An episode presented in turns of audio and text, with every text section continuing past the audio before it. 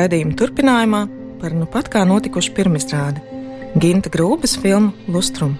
Filmas aprakstā skaidrots, lustrācija jeb lustrum bija viens no valsts pārvaldes principiem Romas impērijā, kas noteica, ka, mainoties valsts pārvaldei, iepriekšējās varas pārstāvji ceremoniāli atzīstas visos grēkos un zvēr uzticību jaunajai varai. Ginta Grūmas jaunākā filma pievēršas valsts drošības komitejas darbības metodēm 80. gados un 90. gadu sākumā, intervējot gan režīmu funkcionārus, piemēram, Edmundu Johansonu, valsts drošības komitejas priekšsēdētāju, gan savervētos Latvijas inteliģences pārstāvis, gan tos, kas atteicās sadarboties, gan arī no čekas represijām cietušos. Lustrum veidota drīzāk kā sistēma un tās tehnoloģiju atmaskojoša, nevis bijušos aģentus apsūdzoša filma kino kā terapijas daļa attiecībā uz tām pagātnes traumām, ko šie cilvēki ir piedzīvojuši attiecībās ar Valsts drošības komiteju. Tā filma raksturo šīs dienas piejūras klimata viesis, lustruma režisors Gins Grūbe. Sarunas ievadā neliels fragments no filmas materiāliem, kurā dzirdēsim Māru Zālīti. Nu, ir jau tas slavenais teiciens, ko Česlavs Milošs ir teicis. Droši vien, ka tu to zini, ka nevienam kurš dzīvo brīvībā, nav tiesību nosodīt tos, kas ir dzīvojuši nebrīvībā. Sāksim jau ar to. Un, un vispirms ir jānosoda sistēma, okupācija, deportācijas, sankcijas, represijas. Un pēc tam cilvēki, kas nav kaut kādā veidā izturējuši to, nu, to morāli vai, vai citā veidā, tad tiesāt tos cilvēkus tikai pēc tam.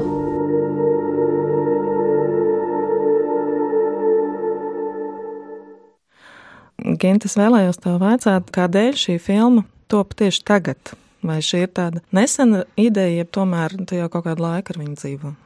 Nu, es ar šo ideju dzīvoju kopš 1991. gada augusta, kad es sāku strādāt žurnālistikā, laikrakstā atmodu. Tas bija mans pirmais darba mēnesis. Notika augusta pučs, un daži apņēmīgi deputāti un cilvēki ieņēma valsts drošības komitejas ēku. Atrada tur kartotēku ar vairāk nekā 60 tūkstošu vārdiem, dokumentiem, un pēc tam vairāk kā 27 gadus šķiet šis jautājums tika stumdīts vienā vai otrā virzienā. Un jo ilgāk šādus jautājumus risina un nevar viņiem atrast nekāda veida risinājumu, jo lielāka varbūtība, ka tie kļūst par tādu kā kultūras artefaktu, tā skaitā dokumentālā kino formātā. Es sapratu, ka tas ir tas stāsts, kas cilvēkus vēl aizvien man nevisai izprotamu iemeslu dēļ interesē. Es sapratu, ka nav kaut kas līdz galam izrunāts. Tāpēc arī radās ideja par šo filmas projektu. Sākotnējā doma bija, nebija pārliecība, ka tajos trīs gados sājuma un šī vēsturnieka komisija, kad strādās, ka nonāks pie lēmuma šos arhīvus atvērt. Nu, tā mana skepse, balstīta iepriekšējā žurnālistiskā pieredzē, bija pietiekami liela.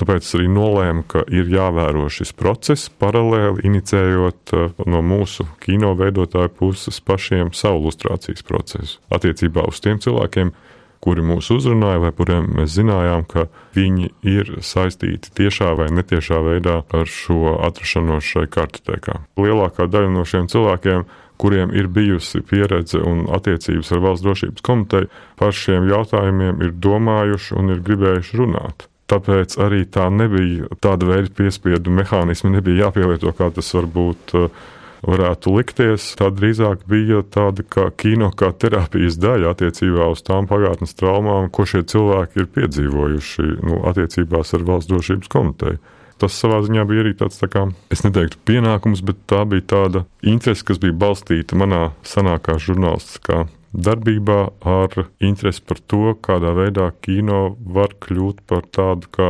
aktuālas sarunas ierosinātāju vai turpinātāju. Kā jūs spējāt panākt šo intervējumu uzticēšanos? Tie tomēr ir cilvēki, kas ieņēma augstus amatus valsts drošības komitejā, jeb arī cilvēki, kas bija tikuši savervēti un kas jau ir izpelnījušies tādu sabiedrības nosodījumu šobrīd?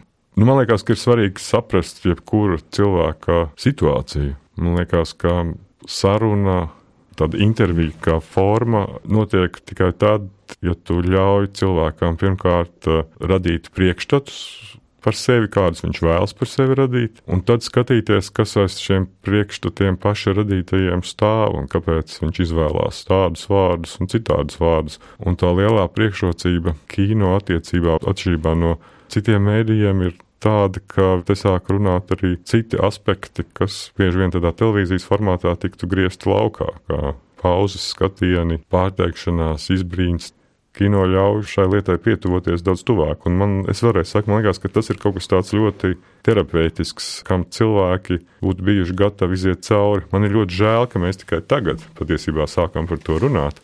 Mēs sarunu sākām ar uh, universitātes rektoru Ivaru Lāci kurš gan šķiet tajā filmas gala montāžas versijā nav. Un tā bija arī saruna, kas patiesībā man lika vairāk izprast tieši to kontekstu. Proti, kādā veidā VDK kā totalitāras valsts drošības dienests mēģināja cilvēkus turēt tādā īsā saitītē, jo tas bija Ivar Lāča stāsts par to, ka viņš strādā Cietvielu fizikas institūtā, viņam ir jādodas braucienā uz Šveici pētnieciskā darbā, un viņam lūdz VDK no turienes sūtīt eh, dažādu veidu avīžu kopijas. Un ir skaidrs, ka ne jau VDK paši nevarētu nokopēt avīzes Šveices, un tad ir skaidrs, ka, ka viss šī vairāk vai mazāk liela daļa no šīm aktivitātēm, kas no cilvēkiem tiek prasītas, ir formāls, lai tikai viņi atrastos šajā sistēmā iekšā.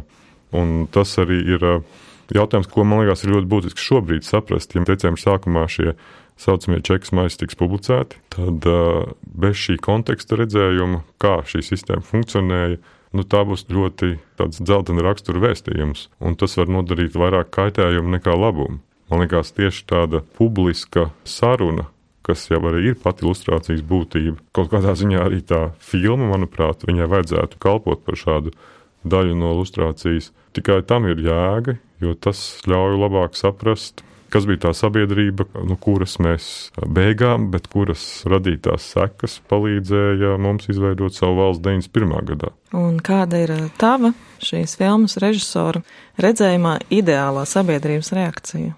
Ideālā reakcija būtu, ja mēs patiešām iedziļinātos šo cilvēku stāstos, kādēļ viņus vervēja, kādēļ viņi piekrita vai nepiekrita sadarboties, mēģināt nu, saprast un nevis a priori iepriekš viņus nosodīt un saukt viņus par čekistiem vai teikt, ka viņi ir jau nu varētu kaut ko vēl vairāk pastāstīt. Mēs arī runājām ar bijušajiem VDK virsniekiem, vairākiem. Daži no viņiem piekrita anonīmai sarunai, daži nepiekrita nekādai. Tas tikai nu, pierāda to, ka šo cilvēku, kuri bija gatavi runāt, kurus uh, viņi padarīja par saviem aģentiem, viņi ir gatavi nu, tādam būtiskam pieaugšanas procesam, man liekas, attiecībā uz to, ko mēs saucam par nācijas vai sabiedrības pieaugšanas procesu. Un tāpēc man, es šos cilvēkus ļoti augstu vērtēju, ka viņi ir gatavi šādai sarunai. Un kādi ir šīs filmas plāni pēc pirmizrādes? Tā ir uh, izrādīšana arī citur Latvijā, ne tikai Rīgā. Filma šobrīd uh, primāri uh, tiks rādīta visā Latvijā, tāpat kā ļoti daudz simtgadus filmas. Un, uh, Tas, ko mēs šobrīd inicējam, ir, lai gan reģionos, gan arī Rīgā turpinātos saruna. Jo tās tēmas, kuras mēs eh, ieskicējam vai tā teikt uzvarām, ir ļoti daudzas un dažādas. Tas ir stāsts par kultūras sakaru komiteju, par kultūras un inteliģences sadarbību ar valsts drošības komiteju, kā viņi tika izmantoti. Tas ir stāsts par eh, zinātnes attiecībām ar eh, baznīcas attiecībām ar valsts drošības komiteju. Tas ir stāsts par atmodu, pārbaudot to sazvērstības teoriju vai mūsu atmodas procesu sagatavoja VDK vai nesagatavoja VDK, un uh, vai tā bija viņa iniciatīva, vai tas bija viņa projekts. Nu, tas ir tādas plašākas diskusijas, ar kurām mēs gribam arī iet reģionos un runāt. Cēsīs būs saruna ar filmas varoņiem uh, Jāni Rukšānu un uh, Jāni Rokpelni. Tas būs ļoti dažādas sarunas, lai saprastu to kontekstu. Jo es saprotu arī, ka runājot ar jaunākiem cilvēkiem, Viņiem šis laiks un šī problemātika ir tāda ļoti izteikta abstrakcija. Viņiem vispār nav tiešās pieredzes par to, ko nozīmē LPSR un ko nozīmē totalitāras valsts drošības sistēma. Tas arī tāds skaidrojošs uzdevums, kas ir nepieciešams, lai saprastu, kas notika. Tie paši čekisti, viņi taču arī ir dieva radības. Tāpat kā mēs visi, cilvēkā vienkārši tas ir. Nu, tā cīņa jau ir tā lielākā pašam ar sevi. Ne jau par tiem čekistiem, es jau par viņu nevaru atbildēt. Viņam tik un tā pašam būs jāatbild. Vai viņš to grib zināt vai negrib. lielākā cīņa ir ar sevi.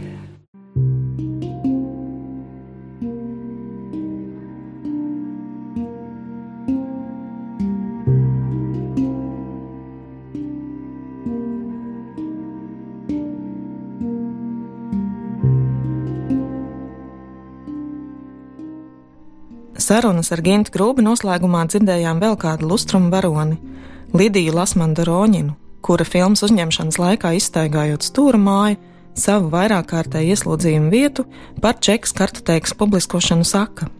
Kā patiesība zemē iemīt nav iespējams, tāpat arī ar visu šo kartīšu padarīšanu. Tas nav lielāks noziegums kā klusēšana par to. Mēs daudz labāk varētu saprast sistēmu, viņa būtu caurskatāmāka, jo tai sistēmai vajadzēja visus cilvēkus nolikt uz ceļiem.